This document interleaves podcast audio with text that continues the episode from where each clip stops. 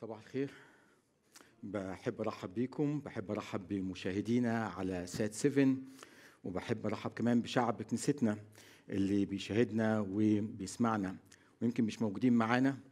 أنا مشجع متشجع بوجودكم معانا النهارده. بعرف قد إيه الجو بره ساقعه وتلج. كنت وأنا بفكر النهارده الصبح حلو لو الواحد يقدر يوعظ وهو نايم على التخت والناس تشوفه بس في الغالب صعب إن الواحد يعمل كده. لكن أنا بشكر الله في هذا الصباح وأنا قاعد بسمع الترانيم قد إيه شعرت بجو من الدفى وابتديت كده أرجع بذاكرتي وأشعر بقد إيه الكنيسة مهمة في حياتنا. الرب سمح إن أنا ألف في بعض البلدان وأعيش فيها أنا ومراتي وأولادي لكن عيلتنا ما كانتش معانا. بس كان دايما كلامي لألماس مراتي إنه ما تعولش الهم في كل بلد بنروح فيها في عندنا كنيسة في عندنا عيلة المسيح في عندنا جسد المسيح هم العيلة. دول اللي بيسندونا بيشجعونا بيقفوا معانا وبيكونوا سبب كده يعني سند سند لينا في وقت الشدة وفي وقت الضيق. فأتمنى في هذا الصباح إنه أنت قاعد كده في البداية تشكر الله وتقول يا رب يمكن إحنا عايشين في زمن غربة يمكن الظروف صعبة. لكن إحنا بنشكرك من أجل الكنيسة من أجل شعبك من أجل هذه العيلة اللي أنت سمحت إنها تكون موجودة في حياتي. إحنا أهل بيت الله إحنا عيلة المسيح إحنا جسد المسيح.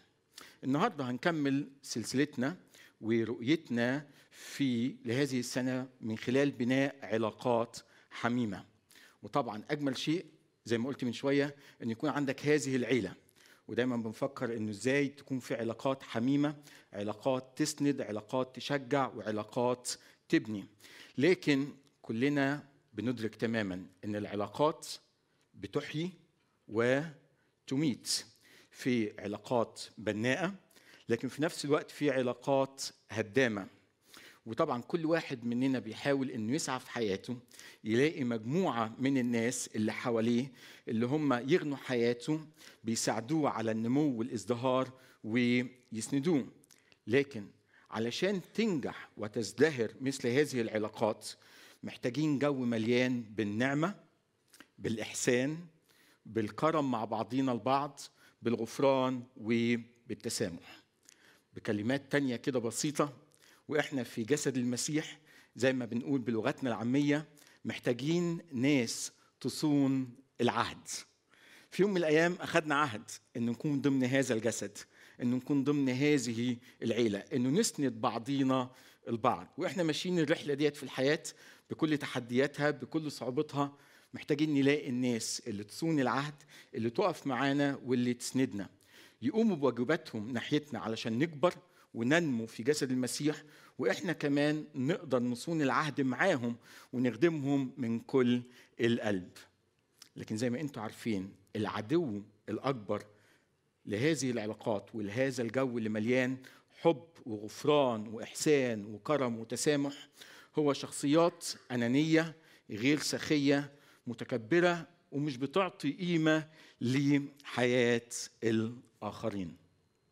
موضوعنا في هذا الصباح تحت عنوان كلب ميت على مائدة ملك.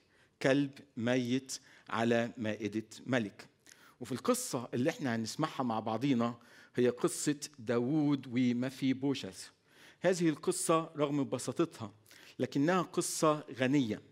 بتحكي لنا عن شخص بكل بساطة قرر إنه يصون العهد رغم كل الإمكانيات اللي عنده رغم كل سلطانه رغم كل نجاحاته قرر إنه يصون العهد ويكرم إنسان هذا الإنسان كان دايما بيشعر في ذاته إن هو ما يستاهلش لدرجة إنه اعترف بلسانه للملك وقال له مين أنا أيها الملك؟ مين أنا؟ علشان أنت تلتفت لكلب ميت مثلي. تعالوا نقرأ هذه القصة مع بعضينا في سفر صموئيل الثاني الأصحاح التاسع. صموئيل الثاني الأصحاح التاسع. هل الإضاءة عندي كده عادية؟ ده الطبيعي ولا إيه الموضوع؟ حاسس إنه في ضلمة هنا عندي شوية. بتقول القصة لينا من سفر صموئيل الثاني والأصحاح التاسع هذه الكلمات. الأصحاح الثامن بكل بساطة بيقول لنا على داود أنه أنهى سلسلة من الحروب وانتصر دخل المدينة العاصمة وجلس في قصره وأول حاجة عملها هي القصة اللي إحنا هنشوفها مع بعضنا البعض. بيقول الكتاب المقدس هذه الكلمات وقال داود هل يوجد أحد هل يوجد بعد أحد قد بقي من بيت شاول فأصنع معه معروفا أو أصنع معه إحسانا من أجل يوناثان؟ وكان لبيت شاول عبد اسمه صيبة. في هذه اللحظة كان شاول مات. فاستدعوه إلى داود وقال له الملك أأنت صيبة؟ فقال عبدك.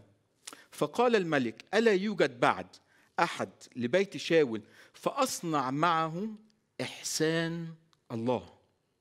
فقال الصيبة للملك بعد ابن ليوناثان أعرج الرجلين. فقال له الملك أين هو؟ فقال صيبة للملك هوذا في بيت مائير ابن عمائيل في لودابار. فأرسل الملك داود وأخذه من بيت ماكير ابن عمائيل من لودابار. فجاء مفي بوشث ابن يوناثان ابن شاول إلى داود وخر على وجهه وسجد. فقال داود يا مفي بوشث فقال ها أنا ها أنا ذا عبدك. فقال له داود لا تخف فأني لأعملن معك معروفا من أجل يوناثان أبيك وأرد لك كل حقول شاول أبيك. وأنت تأكل خبزا على مائدتي دائما. فسجد وقال من هو عبدك حتى تلتفت إلى كلب ميت مثلي؟ ودعا الملك سيبا غلام شاول وقال له كل ما كان لشاول ولكل بيته قد دفعته لابن سيدك فتشتغل له في الأرض أنت وبنوك وعبيدك. وتستغلوها تستغلوا الأرض. ليكون لابن سيدك خبزا ليأكل وما في بوشس ابن سيدك يأكل دائما خبز على مائدتي وكان لصيبة خمسة عشر ابنا وعشرون عبدا. فقال صيبة للملك حسب كل ما يأمر به سيد الملك عبده هكذا يصنع عبدك. فيأكل مفيبوشث على مائدتي كواحد من بني الملك. بتشوفوا فيه شوية تكرار في القصة والهدف من التكرار هو التشديد على بعض الحقائق المهمة اللي الكاتب بوحي من الروح القدس حابب إنه يوصلها لينا. وكان لمفيبوشث ابن صغير اسمه ميخا وكان جميع ساكني بيت صيبا عبيدا لمفيبوشث. فسكن مفي بوشس في أورشليم لأنه كان يأكل دائما على مائدة الملك وكان أعرج من رجليه كلتيهما. يبارك لنا الرب هذه الكلمات المقدسة. أول ما بنوصل للأصحاح التاسع من سفر صمويل إحنا في مرحلة جديدة في حياة داود ومرحلة فاصلة. انتهى داود في الفترة اللي فاتت في صمويل الأول وصمويل الثاني من تثبيت المملكة فدخل حروب عديدة. وبعد ما ثبت المملكة اللي وعد بيها الله داود بأنه في وقتك في حياتك وإنت الملك هيكون في راحة لكل الأرض. لكن مع بداية هذه القصة في سفر صمويل الثاني إحنا على مشارف تطبيق هذه الراحة. ماذا يعني أن يعيش داود وتعيش كل الأرض وقت راحة اللي وعد به الرب. لكن هنشوف مع بعضينا أنه هذا الملك الجديد أول ما وصل للقصر أول ما جاء للحكم للمملكة عنده بعض الملفات اللي كانت موجودة على الطاولة اللي لازم يتعامل معاها. وأهم هذه الملفات هو مش شاول لكن نسل شاول. هيعمل معاهم إيه؟ كانت العادة في ذلك الوقت إنه أي ملك جديد بيوصل للحكم كان يعمل إيه؟ يقضي على كل الأشخاص اللي كانوا في الحكم قبله وكمان على نسلهم علشان ما حدش يحاول إنه ينازعه ويوصل للحكم. لكن كمان القصة دي بتبين لينا حقيقة مهمة. بتبين لينا أخلاقيات مملكة شاول في مقابل أخلاقيات مملكة داوود. الملك الذي بحسب قلب مين؟ بحسب قلب الله. شفنا مع بعضينا وتعلمنا وقرينا كتير قصص عن شاول كيف إنه أساء لله كيف إنه أساء لمسيح الله وكيف ابتدى يشن حروب عديدة على داود لحد لما كان بيحاول ان ينهي كل حياته. والسبب؟ بسبب شهرة داود بسبب نجاحه بسبب إن الناس ابتدت تصيح وتنادي إنه ما أعظم انتصارات داود ما أعظم شخص داود. فحس شاول وقتها بالغيرة والحسد وقرر إن هو ينهي حياة داود لكن بعد كده بنكمل القصة مع بعضينا وبنعرف إنه سبب نجاة داود هو العهد اللي أقامه يونسان مع مين؟ مع داود العهد اللي أقامه يونسان مع داود جه يونسان لداود وقال له هذه الكلمات. قال له أنا عارف أن أبويا بيحاول أنه يتخلص منك. لكن خلينا نتفق ندخل في عهد مع بعضينا وليس وعد. وهتكلم عن الموضوع ده بعد لحظات. قال له لو أنا عشت بطلب منك أنك تحسن إليّ. ولو أنا مت بطلب منك إنك تحسن لأولادي ونسلي من بعدي.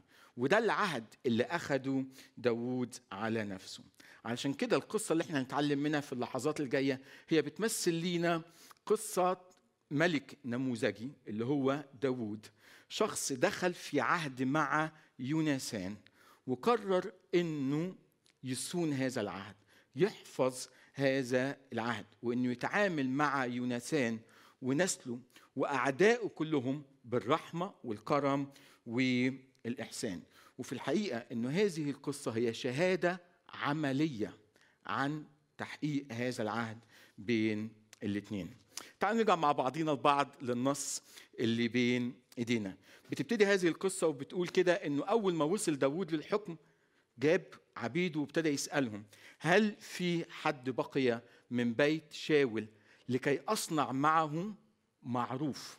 عايز أعمل معاه الكلمة هنا أحسن نترجمها أصنع معاه إحسان رأفة رحمة أعمل معاه شيء يمكن أن هذا الشخص لا يستحقه ودي في البداية حاجة لازم توقفنا وزي ما قلت من شوية موقف داوود كان مهم لأنه كانت العادة في ذلك الزمان إنه أول ما يوصل الملك للحكم يعمل إيه؟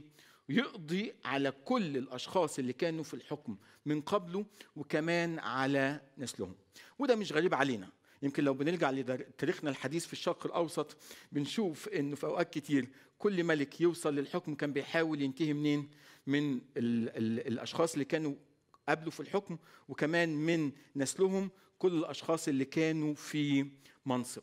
لكن بنشوف هنا داوود ودي نقطة مهمة في البداية ملك بحسب قلب الله. قرر إن هو يصنع إحسانا مع الآخرين مع اعدائه ومع نسلهم. قرر إن هو يكسر الأعراف قرر إن هو يتصرف بطريقة مختلفة عن الطريقة اللي كان بيحكم فيها شاول. شاول أول ما سمع عن داوود قرر إنه يعمل إيه؟ إنه يقتله. لكن عندما وصل داوود للحكم قرر إنه لا. أنا مش هعمل زي شاول. أنا ملك بحسب قلب الله. أنا عايز أقدم نموذج يختلف عن الناس اللي موجودين حواليا.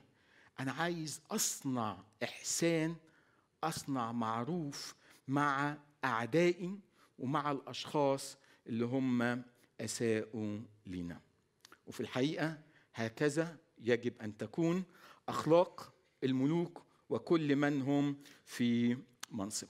حاجتين نتعلمهم في البداية من موقف داود أول شيء نتعلمه أنه رغم داود عنده السلطة وعنده القدرة وعنده الصلاحية أنه ينهي حياة ما في بوشس هو اختار أنه يحيي حياة هذا الإنسان. وده درس مهم لازم نتعلمه في حياتنا. وفي الحقيقة بيذكرنا بكلمات المسيح في إنجيل متى. لما المسيح وقف قدام الشعب في الموعظة على الجبل وابتدى يعلمهم وقال لهم قيل لكم عين بعين وسن بسن. أما أنا فأقول لا تقاوموا الشر. من لطمك على خدك الأيمن فحول له الآخر أيضا. اللي بيطلب منك ثوب اديه رداء. واللي بيطلب إنك تمشي معاه ميل امشي معاه ميلين. ودي الروح اللي بيقدمها لينا داوود في هذا النص بصورة عملية. إنه أنا كملك عندي السلطة وعندي القدرة إنه أنهي حياة ما في بوشس لكن أنا اخترت إن أنا أسامح اخترت إن أنا أغفر اخترت إن أنا أصنع معروف مع هذا الشخص. وبعتقد ده الدرس لينا النهارده في هذا الصباح سواء كمؤمنين سواء في الخدمة سواء في مناصبنا في أعمالنا. أوقات كتير بيكون عندنا الفرصة إن إحنا ننتقم إن إحنا نأذي إن إحنا ناخد حقنا وبيكون عندنا كل السلطة وكل الصلاحية إن إحنا نعمل هذا الأمر. لكن في الحقيقة لو عايزين نعرف معنى كلمة غفران في هذا الصباح فأفضل تعريف لكلمة غفران هو مقام به داوود مع ما في بوشس إنه أنا عندي القدرة إن أنا اذي لكن أنا اختار إن أنا أغفر. عندي القدرة إن أنا أتصرف زي ما باقي الناس كلها بتتصرف حواليا لكن أنا اخترت كملك إنه أتصرف بطريقة مختلفة عن شاول وعن كل الملوك اللي موجودين حواليا. أنا عايز أقدم نموذج لشعبي وللناس إنه المملكة بحسب قلب الله مملكة مبادئها مهمة مش الحقد مش المرارة مش الانتقام مش العنف لكن مبادئها التسامح. الغفران الكرم الإحسان إنه أنا أرفع من شأن الآخرين اللي هم حاسين بصغر النفس. وبصلي إن دي الروح اللي تجمعنا مع بعضينا في الكنيسة. إنه أنا في الخدمة أنا عندي سلطان. أوقات عندي سلطان أوقات بفتكر إنه عندي سلطان على الناس اللي حواليا. ممكن أسيء استخدام هذا السلطان سواء في العلاقات سواء في الأمور المالية سواء في التعامل مع الآخرين وأشتغل مع الناس. ولأن أنا في مركز سلطه أبتدي أدي أوامر وأحس إنه أنا عندي الصلاحيه أعمل أمور كتير بدل ما إنه أختار إن أنا أخدم الناس. الحاجة الثانية المهمة اللي بنتعلمها من داود إنه أول ما وصل للحكم وكان في إيده مركز سلطه متذكر كويس قوي دعوته إنه الله لما دعاه دعاه لإنه لما لقاه لقاه ولد صغير رجل بحسب قلب الله راعي غنم. فأول ما وصل للحكم اتذكر دعوته بصورة مباشرة وقال أنا مش جاي عشان أنتقم أنا مش جاي عشان أحارب أنا مش جاي عشان أستغل سلطاني لكن أنا جاي علشان اتمم المأمورية اللي وضعها الله على حياتي إنه أنا أرعى شعب الله أرعى حتى الأعداء أرعى حتى الغرباء أرعى حتى ما في بوشس وده أول درس نتعلمه النهارده في هذا الصباح. ملك بحسب قلب الله. من خلال إحسانه من خلال كرمه من خلال عطائه من خلال غفرانه للآخرين. لكن الحاجة المهمة كمان اللي بنشوفها في هذا النص لما ابتدى ينادي صيبة عبد شاول ابتدى يقول له كلمة كتير مهمة. ابتدى يقول له هل في بعد حد من بيت شاول أقدر أحسن إليه؟ بس الكلمة اللي استخدمها هنا مهمة جدا إحسان الله. إحسان مين؟ إحسان الله. وكأنه داوود أول ما وصل للحكم ابتدى يقف كده ويبص للماضي ويبص للحاضر ويدرك حقيقة مهمة جدا جدا إنه اللي هو فيه ده النهاردة مش لأنه هو ذكي مش لأنه هو أفضل محارب مش لأنه هو عنده كل القدرات إنه يوصل لهذه المكانة في القصر وإنه يثبت مملكته ويكون في راحة على كل الأرض. لكن داوود كان مقتنع أنا موجود هنا النهاردة لأنه ده إحسان من الله على حياتي. لأنه أنا اللي جابني من ورا الغنم. أنا اللي اختارني وأنا ولد صغير جميل العينين وأشقر وحلو وما عندهوش أي مهارة.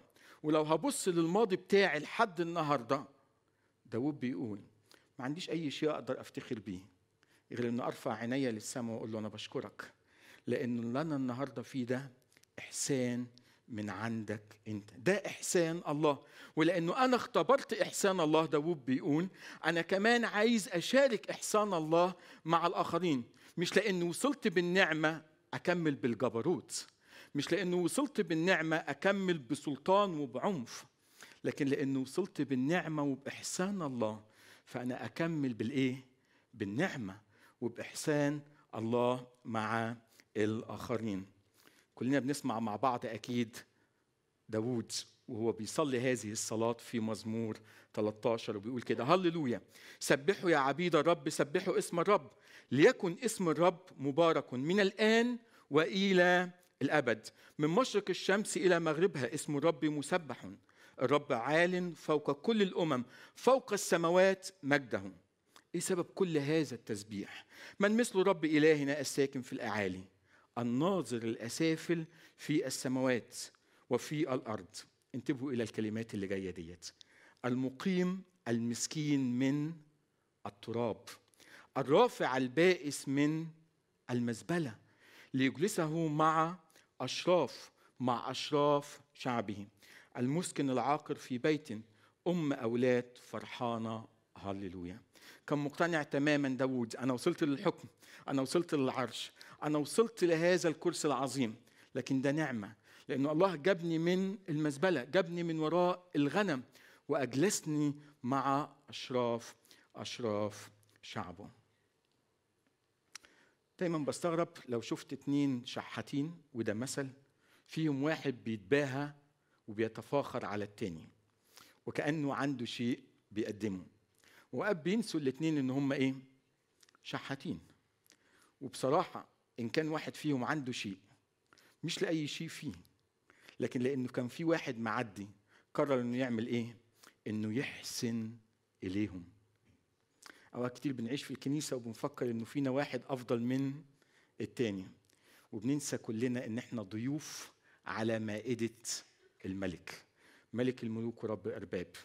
ومحدش فينا صاحب الحق إنه يكون موجود على هذه الطاولة. وفي الحقيقة ملكوت الله هو ملكوت بيشبهوا الكتاب المقدس بملك. قرر إنه يعمل عزومة كبيرة جدا جدا. وعارفين مين هم الضيوف؟ الضيوف كلهم كانوا ما في بوشس قال للعبيد عنده روحه. لموا كل الناس اللي من بره المريض والتعبان والأعرج والفقير واللي مش لاقي. وابتدى المسيح يقول لهم هو ده ملكوت السماوات. ملكوت السماوات هو عبارة عن ملك عامل طاولة كبيرة قوي قوي قوي وعزمك وعزمك وعزمنا كلنا عنده. وكلنا موجودين على هذه الطاولة بالنعمة وإحسان وغنى من عنده هو. ملك بحسب قلب الله من خلال دي النقطة الثانية صيانته للعهد. بيقول الكتاب المقدس كده أنا عايز أصنع إحسان وإيه السبب؟ من أجل يوناسان. من أجل مين؟ من أجل يوناسان.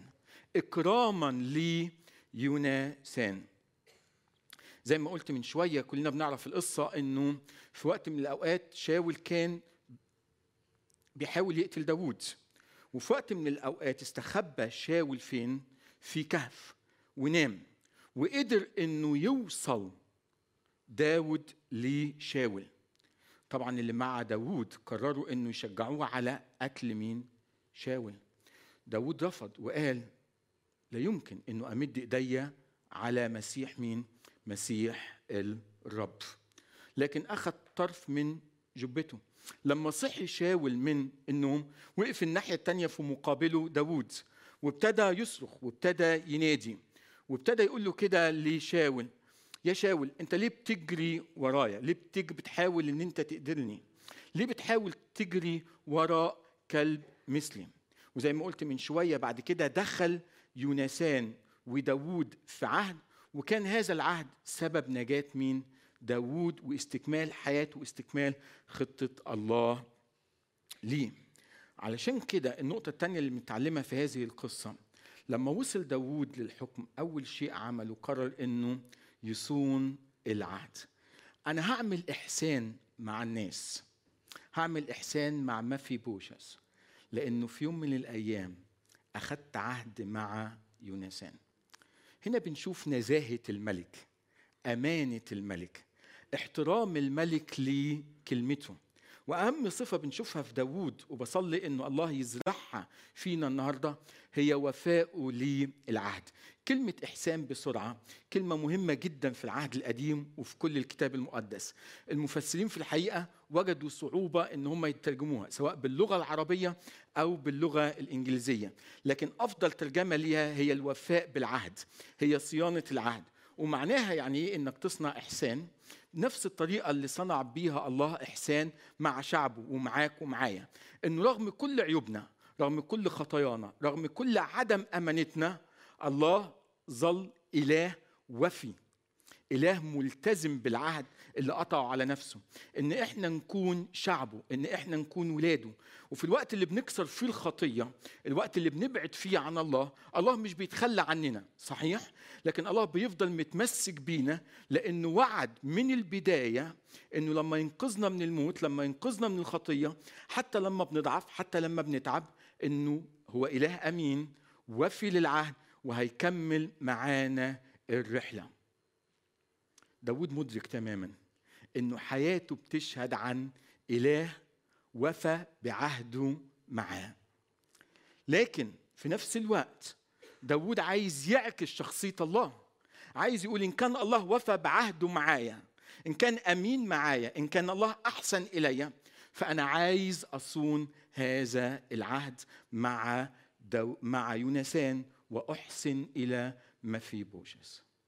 كم واحد فيكم بيتفكر بيفكر أو بيتذكر يوم المعمودية.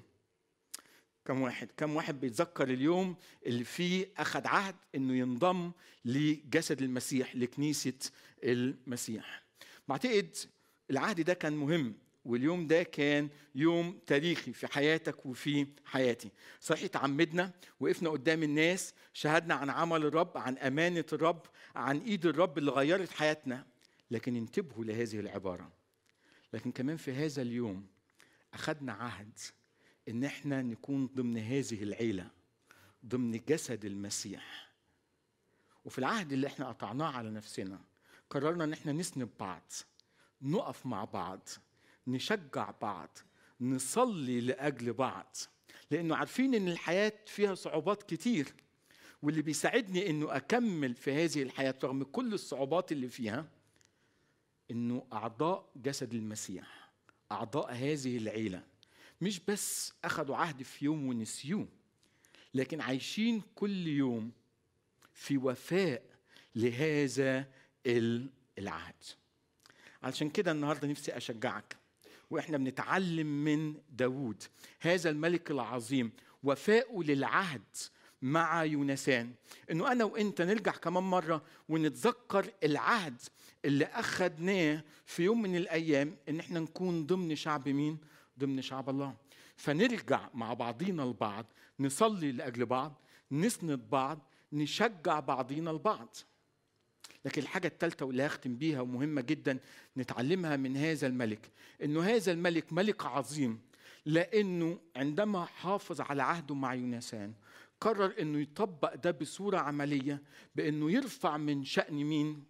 ما في بوشس في الكنيسة وفي حياتنا في كتير مننا زي ما في بوشس اللي دايما عندهم شعور بصغر النفس اللي دايما بيشعروا إن هم ما يستحقوش إن هم فاشلين إن هم مش قادرين يكملوا الحياة إن الحياة كلها صعوبات وواصلين لمرحلة إنه يمكن بيصخوا وبيقولوا زي ما في بوشس أنا إنسان حقير. أنا صرت كلب ميت ملهوش أي قيمة. ويمكن بسبب المذلة اللي بنعيشها احتياجاتنا المادية والظروف الصعبة اللي إحنا بنمر فيها كل يوم بنفقد مع الوقت إنسانيتنا. ولما بنفقد إنسانيتنا بنحس إنه خلاص أنا ماليش قيمة. أنا ما حدش بيهتم فيا. لا البلد لا الحكومة لا الناس. وللأسف أوقات في مشغولياتنا بننسى نهتم ببعض وبنسأل على بعضينا البعض.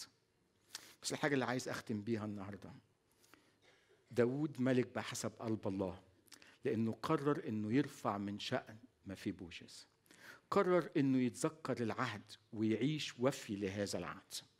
وأنا النهارده في الختام عايز أشجعك لهذا الحقيقة إنه إحنا بنصلي الوقت اللي جاي. اتذكر كده إنه إنه أنا في يوم من الأيام اخذت عهد إنه أكون ضمن هذه الجماعة وإنه أنا عايش مع الكنيسة في كتير منهم في وقت من الأوقات في حياتهم بيشعروا إن هم زي ما في بوشس بالفشل والإحباط ان عندهم صغر نفس. طب هؤلاء الناس محتاجين لإيه؟ محتاجين لداوود محتاجين ليك محتاجين ليكي إنه يجهزوا مائدة مائدة فيها حب فيها غفران فيها كرم فيها إحسان فيها كلمة حلوة تشجعهم علشان ترفع من شأنهم مرة تانية وتعمل إيه؟ وتمنحهم حياة وتمنحهم حياة. أنا بصلي النهارده من كل قلبي في هذا الصباح. انه رب يقودك وأنت بتصلي كده الوقت اللي جاي وتفكر مين ما في بوشس في حياتي؟ يمكن جارك يمكن شخص في الكنيسة يمكن أحد الناس اللي بتخدمهم اللي حاسس إن هو ملهوش أي قيمة ومستني بابتسامة حلوة بحضن بمحبة بكرم بعطاء بسخاء. إنك تقرب منه إنك تاخدك في حضنه تفتح لي بيتك تفتح لي قلبك تفتح لي بابك وتقول له يا أهلا وسهلا بيك. أنت إنسان مخلوق على صورة الله. أنت الله بيحبك. وتصنع مع هذا الإنسان إحسان ومعروف. دعوة الله لينا في هذا الصباح إن كل شخص فينا يكون داوود. ويدور في حياته على ما في بوشش الشخص اللي هو حاسس بصغر نفس جوه الكنيسة. ونبتدي نتذكر العهد اللي أخدناه مع بعضينا البعض. إن يا رب أنا واحد من هذه الكنيسة. وكل ما في بوشس موجود في وسطينا نشجعه نرفعه نعضده نعزمه على مائدة الملك ونذكره إن إحنا عيلة وإن إحنا أهل بيت الله. أمين؟ خلينا نصلي مع بعض.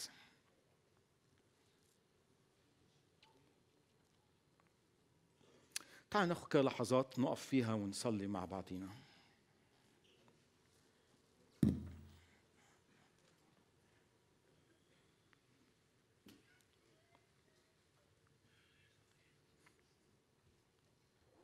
حابب في اللحظات اللي جاية كده تشكر الرب وقول له بشكرك. بشكرك لأنه أنا هنا النهارده بسبب نعمتك بسبب إحسانك بسبب جودك بسبب عطائك بسبب رحمتك. أشكر الرب على احسانه وقول يا رب فعلا كده مين أنا؟ مين أنا علشان أكون ابن ليك علشان أكون بنت ليك؟ أشكر الرب من أجل كنيسته ومن أجل شعبه. يا رب أشكرك لأنك جعلتني واحد من هذا الشعب واحد من هذه العيلة. يا رب أشكرك لأجل هذه العيلة لأجل الكنيسة. وأنت كده بتصلي الوقت اللي جاي خلي افتح قلبك لروح القدس. علشان كده يشددك ويشجعك. يخليك تشعر بالنعمة اللي أنت عايش فيها. يخليك تشعر بقيمة إخواتك بقيمة الكنيسة. رنم معايا كلمات الترنيمة اللي جاية كده وإحنا بنقول له من أنا لأصير من شعبك من دعي عليهم اسمك؟ وانت بتقول هذه الكلمات قدم لي الشكر وقدم لي الحمد من كل قلبك.